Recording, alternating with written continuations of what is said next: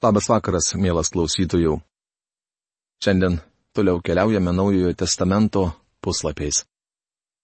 Mes praėjusioje laidoje pradėjome nagrinėti Galatams laiško antrą skyrių, kurio tema yra Pauliaus bendravimas su Jeruzalės apaštalais, Pauliaus pasipriešinimas Petrui Antijochijoje, išdėstomas nuteisinimo tikėjimų mokymas.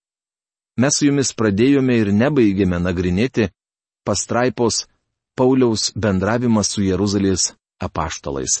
Dabar aš jums perskaitysiu pirmasias penkias mūsų jau apžvelgtas eilutes ir mes tęsime apžvalgą. Paskui po keturiolikos metų vėl nuvykau į Jeruzalę kartu su Barnabu, pasijėmęs ir Titą. Nuvykau apreiškimo paskatintas ir jiems išdėščiau Evangeliją, kurią skelbiu pagonims, atskirai išsiaiškindamas su įžymesniais asmenimis, kad kartais nebėgčiau ar nebūčiau bėgęs veltui. Jie nevertė apsipjaustyti ne mano palidovo Tito, kuris buvo graikas. Tačiau įsibrovėliams, netikriems broliams, tykojusiems pagrobti mūsų laisvę, kurią mes turime Kristuje Jėzuje, ir norėjusiems mus pavergti, jiems mes nie valandėliai nepasidavėme, kad Evangelijos tiesa pasiliktų su jumis. Ir šios dienos pirmoji mūsų nagrinėjama Galatans laiško antros kiriaus šešta eilutė.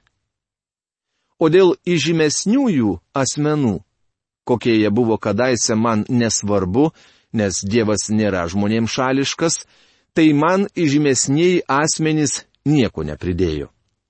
Paulius sako, Mes susėdome su apaštalais, bent jau jis tai padarė, o taip pat, mano nuomonė, ten dalyvavo ir Barnabas su Titu. Ir išdėstėme mūsų skelbiamą Evangeliją. Jie sakė, na broli Pauliau, mes girdime apie tave daug pasakojimų. Papasakok mums, ką tu pamokslauji. Paulius jiems papasakojo ir sužinojo, jog šie apaštalai neturi nieko pridurti prie to, ką jis pamokslauja. Jis skelbė Dievo malonę ir jie skelbė Dievo malonę. Jie suprato, jog jų pamokslaujama žinia nesiskiria. Jie visi skelbė tą pačią Evangeliją. Tai nuostabu. Atvirkščiai, jie įsitikino, jog man patikėta skelbti Evangeliją neapipjaustytiems, kaip Petrui žydams. Galatams laiško antros kiriaus septinta eilutė. Supraskime, kad nebuvo dviejų Evangelijų. Petro Evangelijos ir Pauliaus Evangelijos. Jie veikia sutartinai. Evangelija apipjaustytiems ir Evangelija neapipjaustytiems kalba apie žmonių grupės, kuriems ji buvo skirta. Paulius kalbėjo pagonims. Jis buvo pašauktas pas pagonis, neapipjaustytuosius. Petras buvo pašauktas eiti pas savo brolius žydus, kurie buvo apipjaustyti nes tas pats, kuris paskyrė Petrą apipjaustytųjų apaštalų, paskyrė mane pagonių apaštalų. Galatams laiško antros kiriaus aštunta eilutė.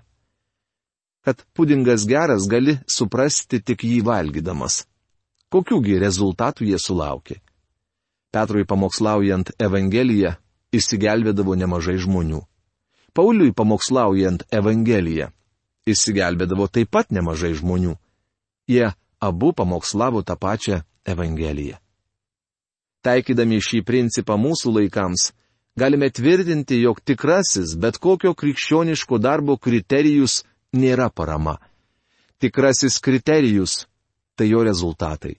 Dievo žmonės turi būti įsitikinę, jog remia tarnavimą, kuris duoda rezultatų. Jei jis neduoda rezultatų, tai kamgi įremti?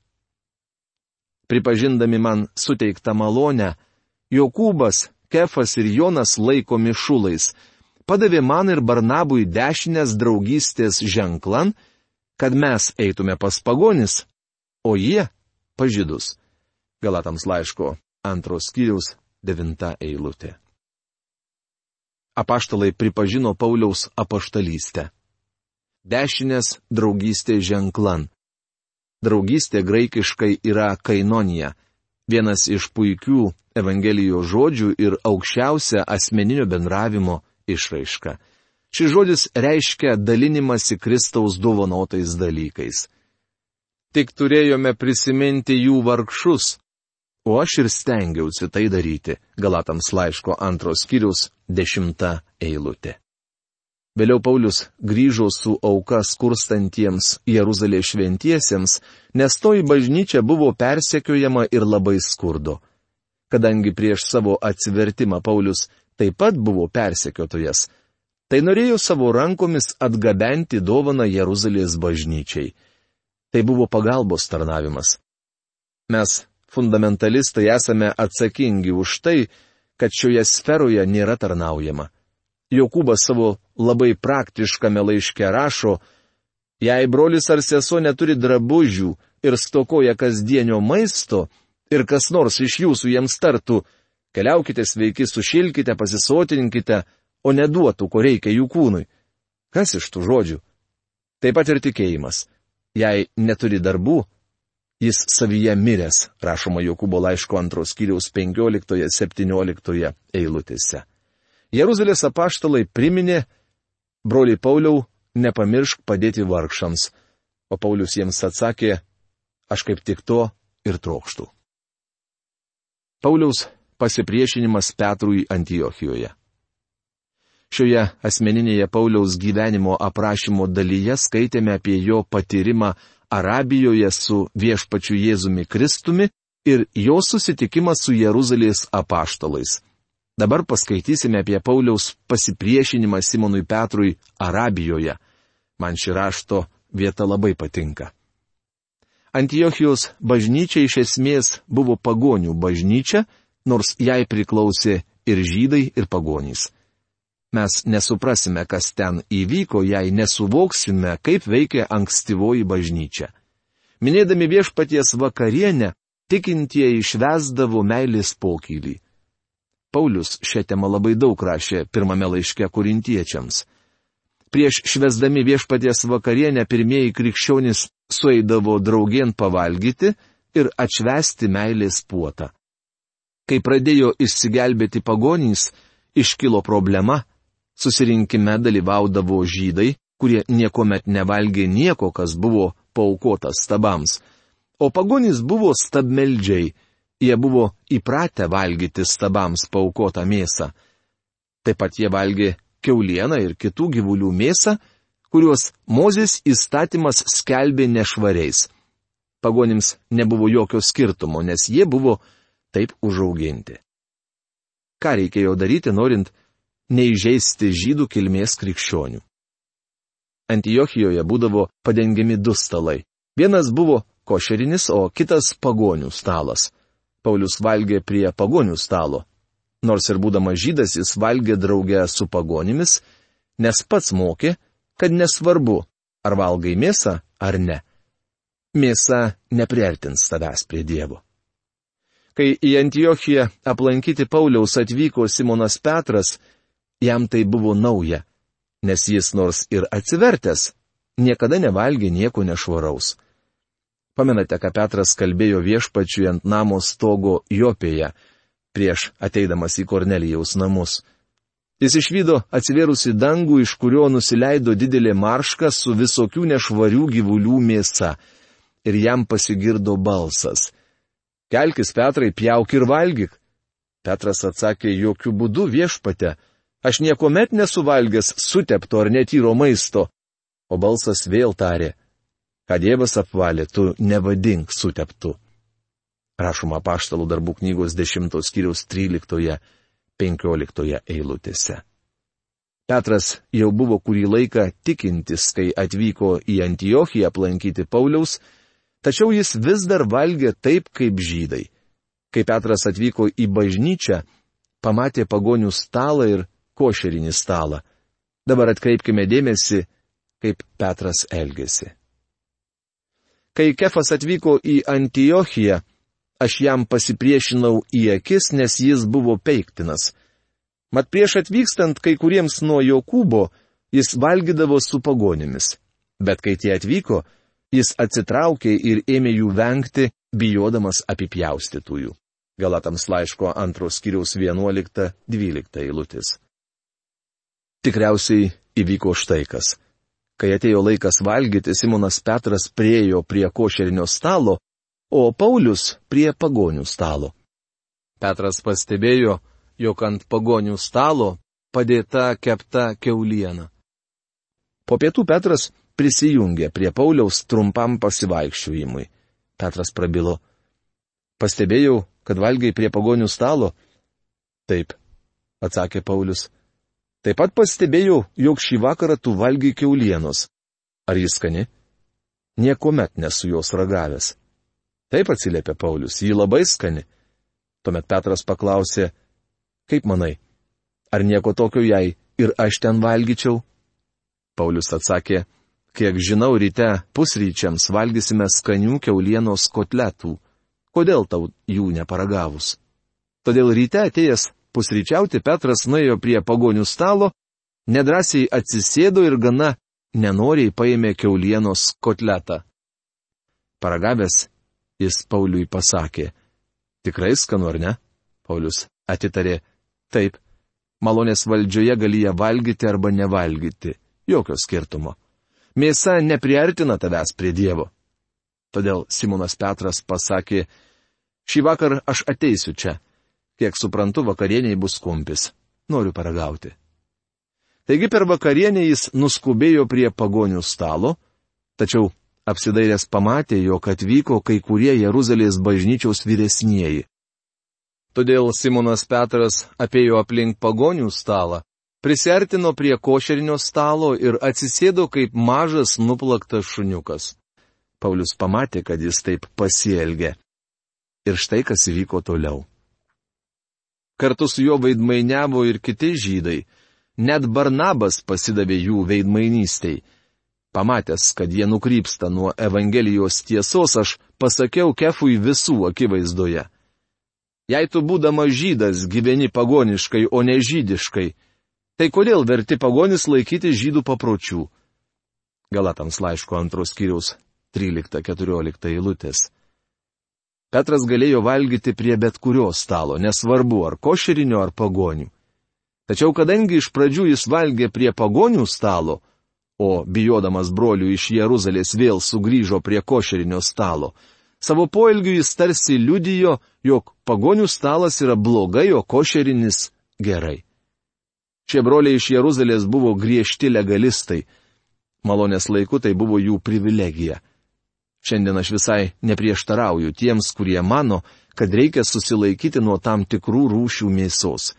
Tačiau jie taip pat turi duoti man laisvę valgyti tai, ką aš pasirenku. Atvirai kalbant, aš nevalgau daug keulienos, bet taip elgiuosi dėl sveikatos. Man tai visai nereligijos klausimas. Simonas Petras nusigrėžė nuo laisvės, kurią turėjo Kristuje, prie judaizmo. Pauliaus priekaištas visų pirma atskleidžia įstatymo laikymosi nenuoseklumą. Jei Simonas Petras galėjo gyventi kaip pagonių tikintieji, Tai kodėl jis nori, kad pagonys gyventų taip kaip žydai? Būtent tais ir parodė, nueidamas nuo pagonių prie košerinio stalo. Jei Petrui neužkliuvo pagonys, gyvenantys malonės valdžioje, be įstatymo, ar tai buvo blogai patiems pagonims? Jei Simonas Petras galėjo laisvai gyventi be įstatymo, argi pagonims daryti tą patį buvo neteisėta doktrina. Tai yra nuteisinimas tikėjimu. Priartėjome prie šio nuostabaus laiško dalies, kurioje išdėstytas mokymas apie nuteisinimą tikėjimu. Šioje dalyje Paulius užima savo poziciją kaip žydas. Mes gimimo žydai ir nepagonių kilmės nusidėjėliai. Galatams laiško antros kiriaus penkiolikta eilutė. Tomis dienomis žydai žvelgdavo į pagonis kaip į nusidėjėlius. Iš tiesų žodžiai pagonis ir nusidėjėlis buvo sinonimai. Todėl Pauliaus pabarimas parodo, kaip kvaila laikytis įstatymo. Tačiau žinome, jog žmogus nuteisinamas ne įstatymo darbais, o tik tikėjimu į Jėzų Kristų. Taigi mes įtikėjome Kristų Jėzų, kad būtume nuteisinti Kristaus tikėjimu, o ne įstatymo darbais nes įstatymo darbais nebus nuteisintas ne vienas žmogus. Galatams laiško antros kiriaus 16 eilutė. Tai labai aiškus ir paprastas teiginys apie nuteisinimą tikėjimu. Patikėkite manimi, legalistui šia eilutė kelia rūpeščių. Kartą girdėjau, kaip iš jos pamokslavo legalistas ir tai buvo interpretavimo parodija. Šia eilutė nuliūdins kiekvieną šiandien egzistuojančią įstatymišką sistemą. Teigimas, jog prie tikėjimo Kristumi reikia dar šį tą pridėti, visiškai iškreipia Evangeliją. Atkreipkime dėmesį į tai, ką Paulius čia sako. Jei žydas turėjo apleisti įstatymą, tai yra jo atsisakyti tam, kad būtų nuteisintas tikėjimu. Paulius klausia, kamgi pagoniui laikytis įstatymo? Tai buvo klausimas sukėlęs karštą diskusiją Jeruzalės vyresniųjų taryboje, kaip aprašyta paštalų darbų 15 skyriuje. Ar pagonys turi laikytis įstatymo? Dėkui Dievui atsakymas vadovaujant Dievo dvasiai buvo, kad norint būti išgelbėtam pagoniui, nereikia laikytis įstatymo. Taip pat nereikia laikytis įstatymo ir kasdieninėme gyvenime, kadangi jis pašauktas į daug aukštesnį lygmenį. Ar pagonys galėjo rasti nuteisinimą iš įstatymo, kai žydai jau įrodė, kad tai neįmanoma? Žydai turėjo savo įstatymą beveik 1500 metų ir visiškai nesugebėjo jo laikytis. Kam gyversti pagonis laikytis to, kas negalėjo išgelbėti ne vieno izraelito? Pagonis tikintieji jau buvo nuteisinti iš malonės. Pagonims būtų kvailystė nusisukti nuo malonės prie įstatymo, kuris negalėjo išteisinti žydų. Tačiau žinome, jog žmogus. Įskaidykime šią eilutę. Jūs galite žinoti, ar esate išgelbėtas. Apie kokį žmogų kalba ši eilutė? Antropos yra graikų kalbos žodis, bendras terminas, reiškiantis žmoniją. Jis kalba apie padermės vieningumą, bendrą žmogaus prigimtį, kurią visi turime tai sudaužo bet kokį socialinį odos spalvos barjerą, sudaužo rasės barjerą, sudaužo socialinį barjerą. Prieš kryžių visi žmonės yra viename lygmenyje ir tas lygmuo vadinasi nusidėjėlis. Jūs esate nusidėjėlis. Aš irgi nusidėjėlis. Nesvarbu, kas jūs esate, Dievo akise jūs nusidėjėlis. Tačiau žinome, jog žmogus nuteisinamas neįstatymo darbais. Originale rašoma, jog ne konkretaus įstatymo darbais, o apskritai įstatymo darbais. Tai apima ir Mozės įstatymą ir bet kokią kitą teisinę sistemą. Jei sakai, kad turi prisijungti prie tam tikros bažnyčios arba kad reikia turėti tam tikrą patirtį, arba kad turi pasikrikštyti tam, kad būtum išgelbėtas, tuomet prieštarauji šiai eilutei. Tačiau žinome, jog žmogus nuteisinamas neįstatymų darbais. Paulius čia įtraukia visą įstatyminę sistemą, kuri egzistuoja visose religijose. Tuo krikščionybė skiriasi nuo kitų žemėje egzistuojančių religijų.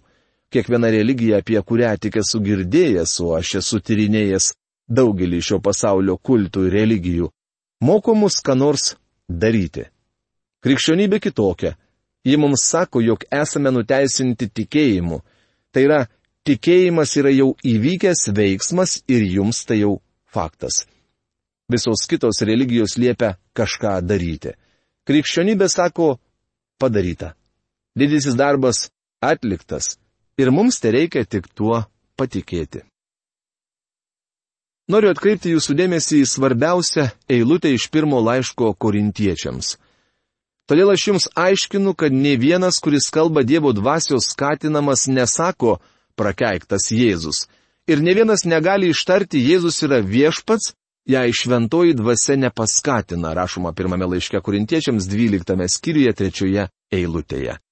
Mums kyla klausimas, kaip galime sakyti, jog Jėzus prakeiktas. Tarkime, jūs man sakote, magi, kai atėjote pas Kristų ir priėmėte jį kaip savo gelbėtoją, Jūs ne viską gavote. Šventoji dvasia gali duoti jums tai, ko negavote Kristuje, ir šiandien jums reikia to siekti. Mano draugė, jei taip elgtumėmės, nuvertintume viešpaties Jėzaus auką ant kryžiaus. Jis atėjo į šią žemę, kad mirtų už jūs ir atliko išgelbėjimo darbą taip tobulai, kad grįžęs atgal į dangų atsisėdo Dievo dešinėje, rašoma Hebrajams laiško pirmos kiriaus trečioje eilutėje. Jis atsisėdo, nes daugiau nebereikėjo nieko daryti. Jei būtų reikėję dar ką nors atlikti, jis būtų tai padaręs ir tik po to atsisėdęs. Kai sakote, kad jis visą tai padarė ne dėl manęs, tvirtinate, jog Jėzus prakeiktas. O to sakyti jūs negalite Dievo dvasios skatinamas. Tai reiškia, jog jūs kalbate ne šventosios dvasios žodžius. Jėzus sakė, kai ateis toji tiesos dvasia, jį ves jūs į tiesos pilnatvę, ji nekalbės iš savęs, bet skelbs, ką bus išgirdusi ir praneš, kas turi įvykti. Ji pašlovins mane, nesims iš to, kas mano ir jums tai paskelbs, rašoma Jono Evangelijos 16 skyrius 13-14 eilutėse. Mano draugė, kai jūs atėjote pas Kristų, jis davė jums viską, ko reikia šiam gyvenimui. Kristus yra tas, kuris paskirsto visas dovanas.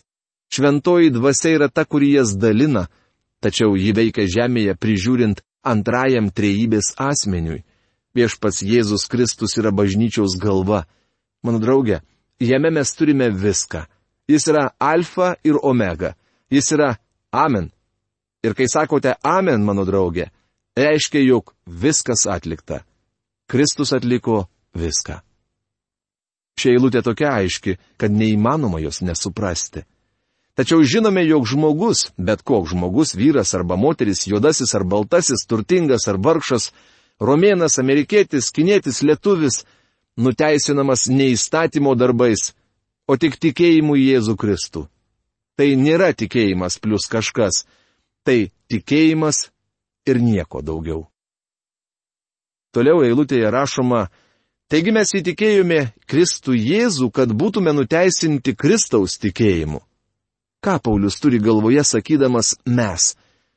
Jis įtraukia save turėdamas omenyje mes Izraelitai. Jis sako, jog jis ir jo tevinainiai žydai turi palikti įstatymą, ateiti pas Kristų ir pasitikėti juo tam, kad būtų nuteisinti Kristaus tikėjimu o ne įstatymo darbais. Šios eilutės išvada tokia aiški, jog mano nuomonė ją gali suprasti bet kas. Nes įstatymo darbais nebus nuteisintas nei vienas žmogus.